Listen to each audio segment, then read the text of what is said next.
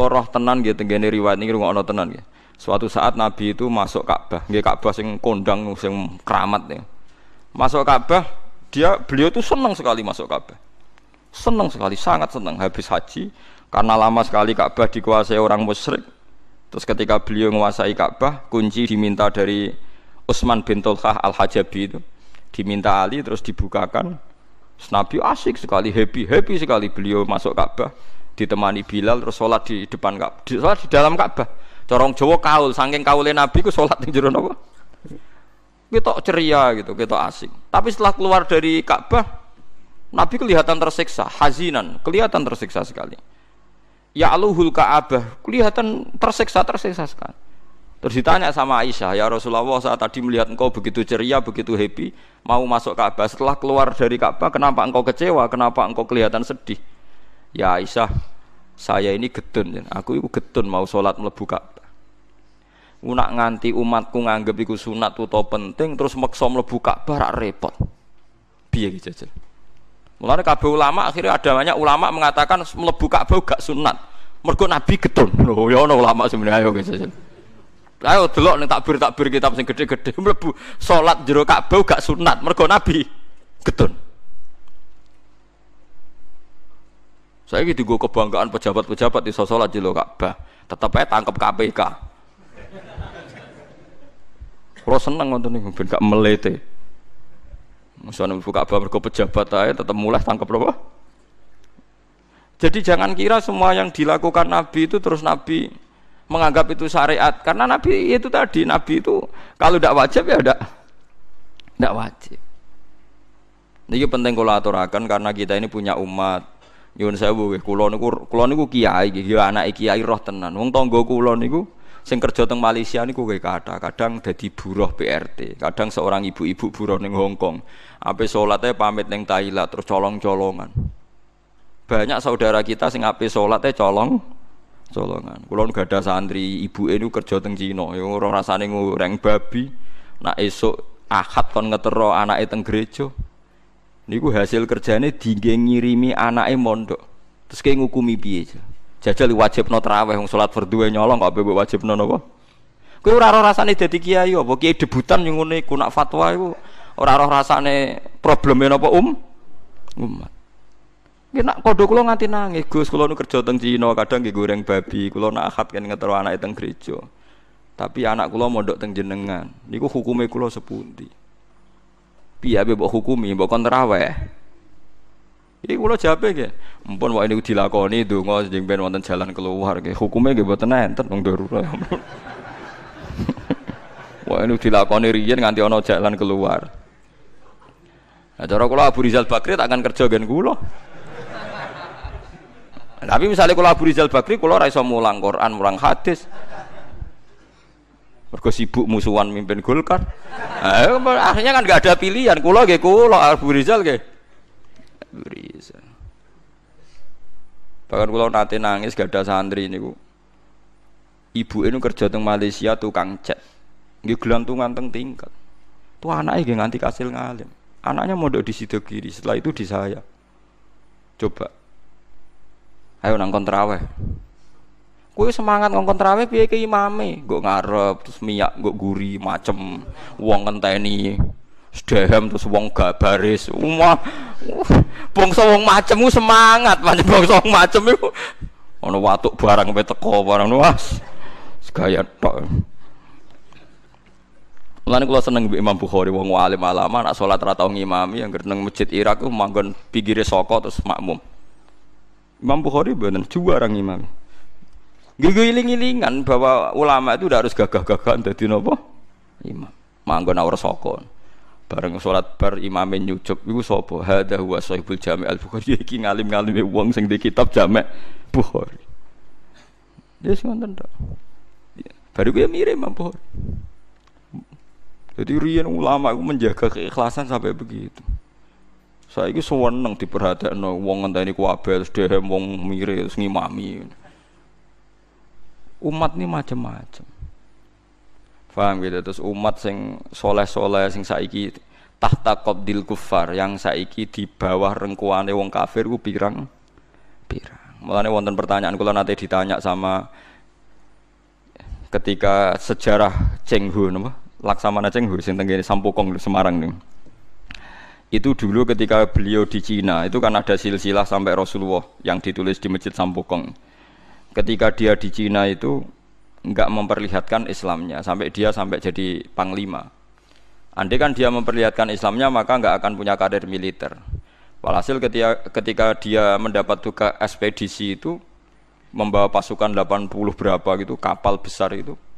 Terus dia ketika masuk Asia Tenggara mulai masuk Indonesia ini ngetokno Islami. Semua pasukannya dipimpin ala Islam dijak bangun masjid di Semarang, di Surabaya, macam-macam. Ngetokno Islami. Terus para peneliti itu tanya saya, Pak Ba, apa memang ikhfaul Islam itu boleh menyembunyikan Islam itu boleh? Karena buktinya Cheng Hu itu ketika di Cina tidak memperlihatkan apa? Islam. Ya saya jawab, saya tidak punya hukum tentang itu. Tapi kalau sampean tanya tareh, saya punya. Karena ini tidak baik difatwakan secara hukum. Kalau balik malah Ada masalah yang tidak baik difatwakan secara nopo hukum. Tapi kalau sampean tanya tarehnya, saya punya. Apa Pak Baik tadi? Abu Dhar ketika Nabi minoritas, Abu Dhar itu orang pedalaman. Ketika Islam masih minoritas, kata Nabi, ya Abu Dharin, kamu menyembunyikan Islam kamu saja, jangan memperlihatkan apa Islam. Nanti kamu dicincang sama umat kamu, sama kaum kamu. Nanti setelah saya menang, baru kamu boleh memperlihatkan apa Islam kamu. Sehingga dalam tarah ya ada ada waktu sirron, apa ada waktu sirron, solat sembunyi-sembunyi. Lah itu hebatnya Rasulullah. Rasulullah sing ahabul khalqi ilawai tahu ngalami Sholat sembunyi-sembunyi. Nggih mboten. Nabi Muhammad wak kekasih pangeran nate ngalami sholat sembunyi-sembunyi. Begitu juga awal-awal Islam. Dan sampean saya kita kok. Tapi saya Islam wis kuat sembunyi ya oleh Gus. Kuat anak kue mergo wong akeh lah saiki saudara kita yang di Hong Kong, di Timor Leste, mungkin di Australia. Paham ya? Macam-macam. Mulane sing apik ku anut ulama sing ijek jujur, pokoke riwayat itu diterangno, kejadian-kejadian sing dialami umat sahabat diterangno. Wis ora usah intervensi, pokoke ngono. Mulane saya katakan itu tidak baik difatwakan secara hukum tapi ada padanan sejarahnya, ada padanan sejarahnya. Paham ya? Mulane akhirnya walhasil Nabi ku ninggalo qiyamul lail di masjid tapi Umar ngelakoni. Ketika Umar dibantah, ya Umar kenapa Anda sholat qiyam mulel secara berjamaah? Bukankah ini bid'ah? Jadi rian Sayyidina Umar ya nanti dituduh nopo bid'ah. Mulane kita mau kiai dituduh bid'ah semenengai wong Umar sing sahabat dituduh nopo bid'ah. Jadi Jawa Umar ya enak. Umpama iki bid'ah ya bid'ah paling apik bid'ah iki corong saiki aneh bid'ah kok disifati apik sing dituduh bid'ah ora Umar tok Kanjeng Nabi pertama dadi nabi ngajak wong Islam wa Abu Jahal ya dituduh bid'ah Mulane kena dituduh bid'ah tenang ae Kanjeng Nabi nanti dituduh napa? Bid'ah. Tapi Nabi ra didalili wa kullu bid'atin dolalah. Lho nggih tenan. Sampeyan apal Quran niku wonten ayat ma yatihim min dzikrim mir rabbihim muhdas. Muhdas maknane napa? Sing dianyarno. Mulane Kanjeng Nabi ketika dituduh bid'ah terus ngendikane kul ma kuntu bid'am minar rusul. Aku iku ora bid'ah. Dadi Nabi tau dituduh bid'ah sampai diwahyani Allah, "Qul ya Muhammad ma kuntu bid'am minar rusul." Aku iku ora bid'ah. Mergo sing bid'ah iku barang anyar. Barang anyar sing ora ana kembarane disebut bid'ah. Lah Nabi dadi nabi ora ana kembarane disebut bid'ah. Umar gawe traweh ora ana kembarane disebut bid'ah. Terus saiki wong rame-rame anggere gak ana persis nabi disebut Iku sak goblok-goblokan iku sak kalah-kalan. Bid'ah ngeten sama anak terang no. Bukan karena saya orang pesantren buatan. Saya itu lebih hafal banyak hadis timbang sing sidik-sidik nuduh bid'ah. Bid'ah itu begini loh. Bid'ah itu yang mesti dolala, yang mesti sesat. Itu mas tadumat syariah yang berhadap-hadapan dengan nopo syariah. Tapi jika bid'ah itu menguatkan syariat, maka tidak musuhnya syariat, tapi bagian dari syariat. Jadi bid'ah yang dolala itu yang istodam, istodam itu berhadap-hadapan. Mulane ini Sodam Husain, Sabdan Husain bapaknya jenak itu Sodam. Sodam maknanya tukang nyeruduk. Lah iku bapake Kasil ketika anake dadi Saddam Hussein itu tukang napa? Yurda wong Arab nak darani tukaran Sodam. Istidam mana apa? Benturan sing keras napa? Istidam. Nah, sing darani bid'ah dolalah iku sing berhadap-hadapan istidam, berhadap-hadapan sama syariat. Nak terima gesekan utawa bersaling bersinergi utawa saling menolong itu tidak bid'ah. Nggih dalile gampang begini, ini hadis sahih. Kula boten bela NU ya bela Muhammadiyah, ya bela siapa-siapa. Ini cerita ilmu mawon, cerita ilmu. Tidak ada yang saya bela. Sahabat itu nanti, ini hadis sahih. Ada sahabat setelah itidal. Nggih setelah nopo? Itidal. Sama nak itidal ngafat nopo? Misalnya Robbana walakal hamdu terus milu samawati mil ardi.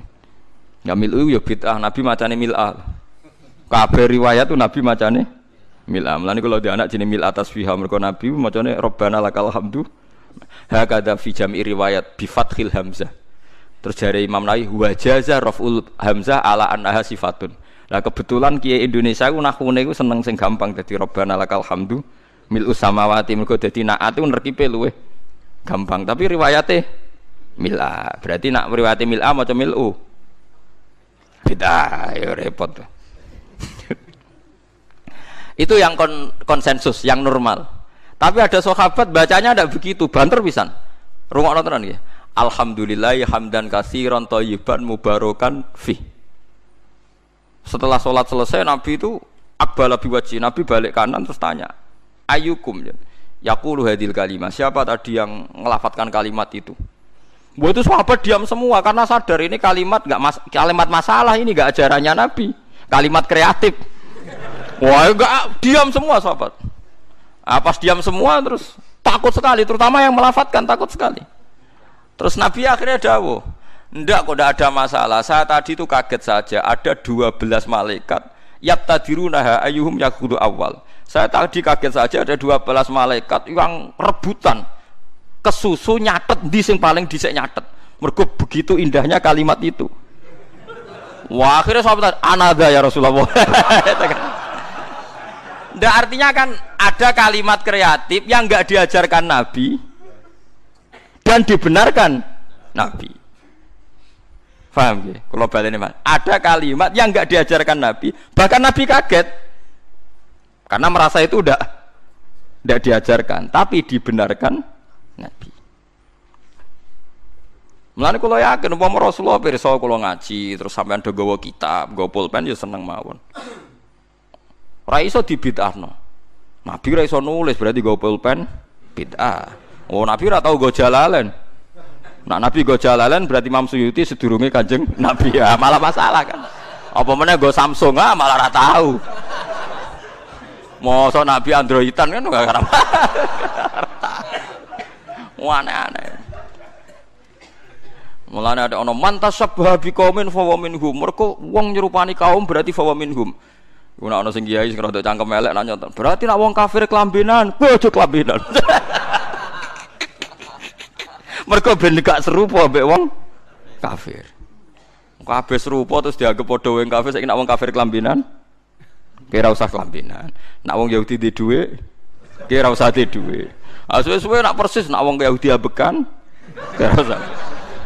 Ora usah kono berlebih, wong kok yang mirip iku. Bid'ah Yahudi. Kulo gak sering debat wong ekstrim. Eh, maksudnya logika terus kedua riwayat ini juga di hadis sahih. Ada sahabat entah saking gimana ndak tahu saya. Iso dicurigai lah saya. Pokoknya mati urip nak ngimami kulhu rokaat ula ya kulhu rokaat sania ya kulhu sampai saria satu kontingen yang dipimpin sahabat itu bosen mereka tiap sholat itu kulhu notabene kulhu kan ibu rokaat ula tok tasania tok itu ula ya kulhu sania kulhu Ya mati urip kulhu. Berhari-hari padahal dia itu imam masjid Kuba. Akhirnya sahabat-sahabat yang roh Quran itu komplain, ya Rasulullah, ini orang itu setiap sholat kok baca nopo kulhu. Itu gimana ya Rasulullah? Ternyata terus saluhu kata Nabi ini di hati sokai saluhu. Coba dia tanya, dihadirkan ke Rasulullah. Kenapa kamu kalau sholat kok selalu pakai kulhu? Jawabnya pemuda tadi, li anha sifatur rahman karena dalam kulhu itu hanya ada sifatnya Allah. Tidak ada kepentingan kulo, kepentingan sinten-sinten di anha sifatullah. Fa uhibbu an. Makanya saya senang membaca kulhu. Terus kata Nabi, akhbirhu fa innahu yuhibbu. Kasih tahu dia Allah itu mencintai dia. Oh, itu kan bagus sekali itu. Gak usah tabarok kulhu. Nggak artinya itu kan tidak diajarkan Nabi kan selalu kulhu itu udah ajarannya dan tidak pernah Nabi itu selalu kulhu. Tapi ada orang kreatif selalu kulhu juga sama Nabi dibenarkan. Ya nggak bisa kan kamu pakai definisi bid'ah itu yang selalu pernah dilakukan Nabi itu tidak bid'ah sunnah. Kalau nggak pernah dilakukan Nabi bid'ah. Tidak bisa seperti itu. Apalagi kalau kamu ngaji usul fikih, wah malah ketoro malah ketoro nak sing sidik-sidik nuduh bid'ah malah salah. Usul fikih malah nak manani hadis itu diganti. Misalnya ngeten. Niki sing persis teke hadis kula nu kapal. Ittaqun naro walau bisik kita merotin. Ketika Nabi cerita praharan rokok, pokoknya rokok itu serepote karuan. Fattakun nar, walau bisik kita merotin. Rokok itu sombok wedeni, sombok lawan, senajan to kelawan sak sigari kurma. Sikun itu sigar, ayo, tamrin, kurma. Mau kamus paling goblok nih tamrin itu kurma. Saiki kira sedekah ambek beras. Apa ana hadise Nabi walau bisiki aruzin. Tapi nak ulama usul fikih nafsiri ya bisiki tamroten e bikutin pokoknya kut makanan yang jadi pokok di daerah situ kok mbok sedekahno iku termasuk tolak neraka. Dan aku anut sunah Rasul kudu persis berarti kudu kurma. Terus Nabi nate dawuh, la tahkiron najarotun li jarotiha walau firsana satin. Ki aja geman nyepelekno sedekah senajan to sak sampile wedhus. Terus kowe nak nyembelih pitik ora usah sedekah, mergo mboten wedhus. Yo ora ono ulama manuk. Makanya ulama, ulama usul fikih itu langsung diingeti. Nabi mewajibkan zakat neng tamer. Berarti Nabi wajibno zakat neng kut, neng makanan sing jadi makanan pokok. Jadi kata tamer digenti kut maknane. Berarti di beras wajib zakat. Lah nak nuruti persis Nabi berarti beras ra wajib zakat. Mergo Nabi ra tau zakati beras. Yo kacau kabeh mbok antem kromo ngoten. Tapi ya kita kita ya aja terus musuhan terus biasa mawon. Kulo biasa kaya ora ono apa-apa. Wong kulo sing alime biasa. Kulo dituduh bid'ah tenang mawon. Arti tenang mergo yes, tak anggap wis biasa mawon. Nabi mawon nanti dituduh napa? Bid'ah, ora semangat, hujah. Hujah ahli sunnah, ora usah ngurusah hujah, biasa mawon. Tapi saya pastikan bahwa ngoten niku biasa. Mulane kula suwun nak sampean dadi kiai, dadi ulama aja geman monis wong Islam sing lagi susah.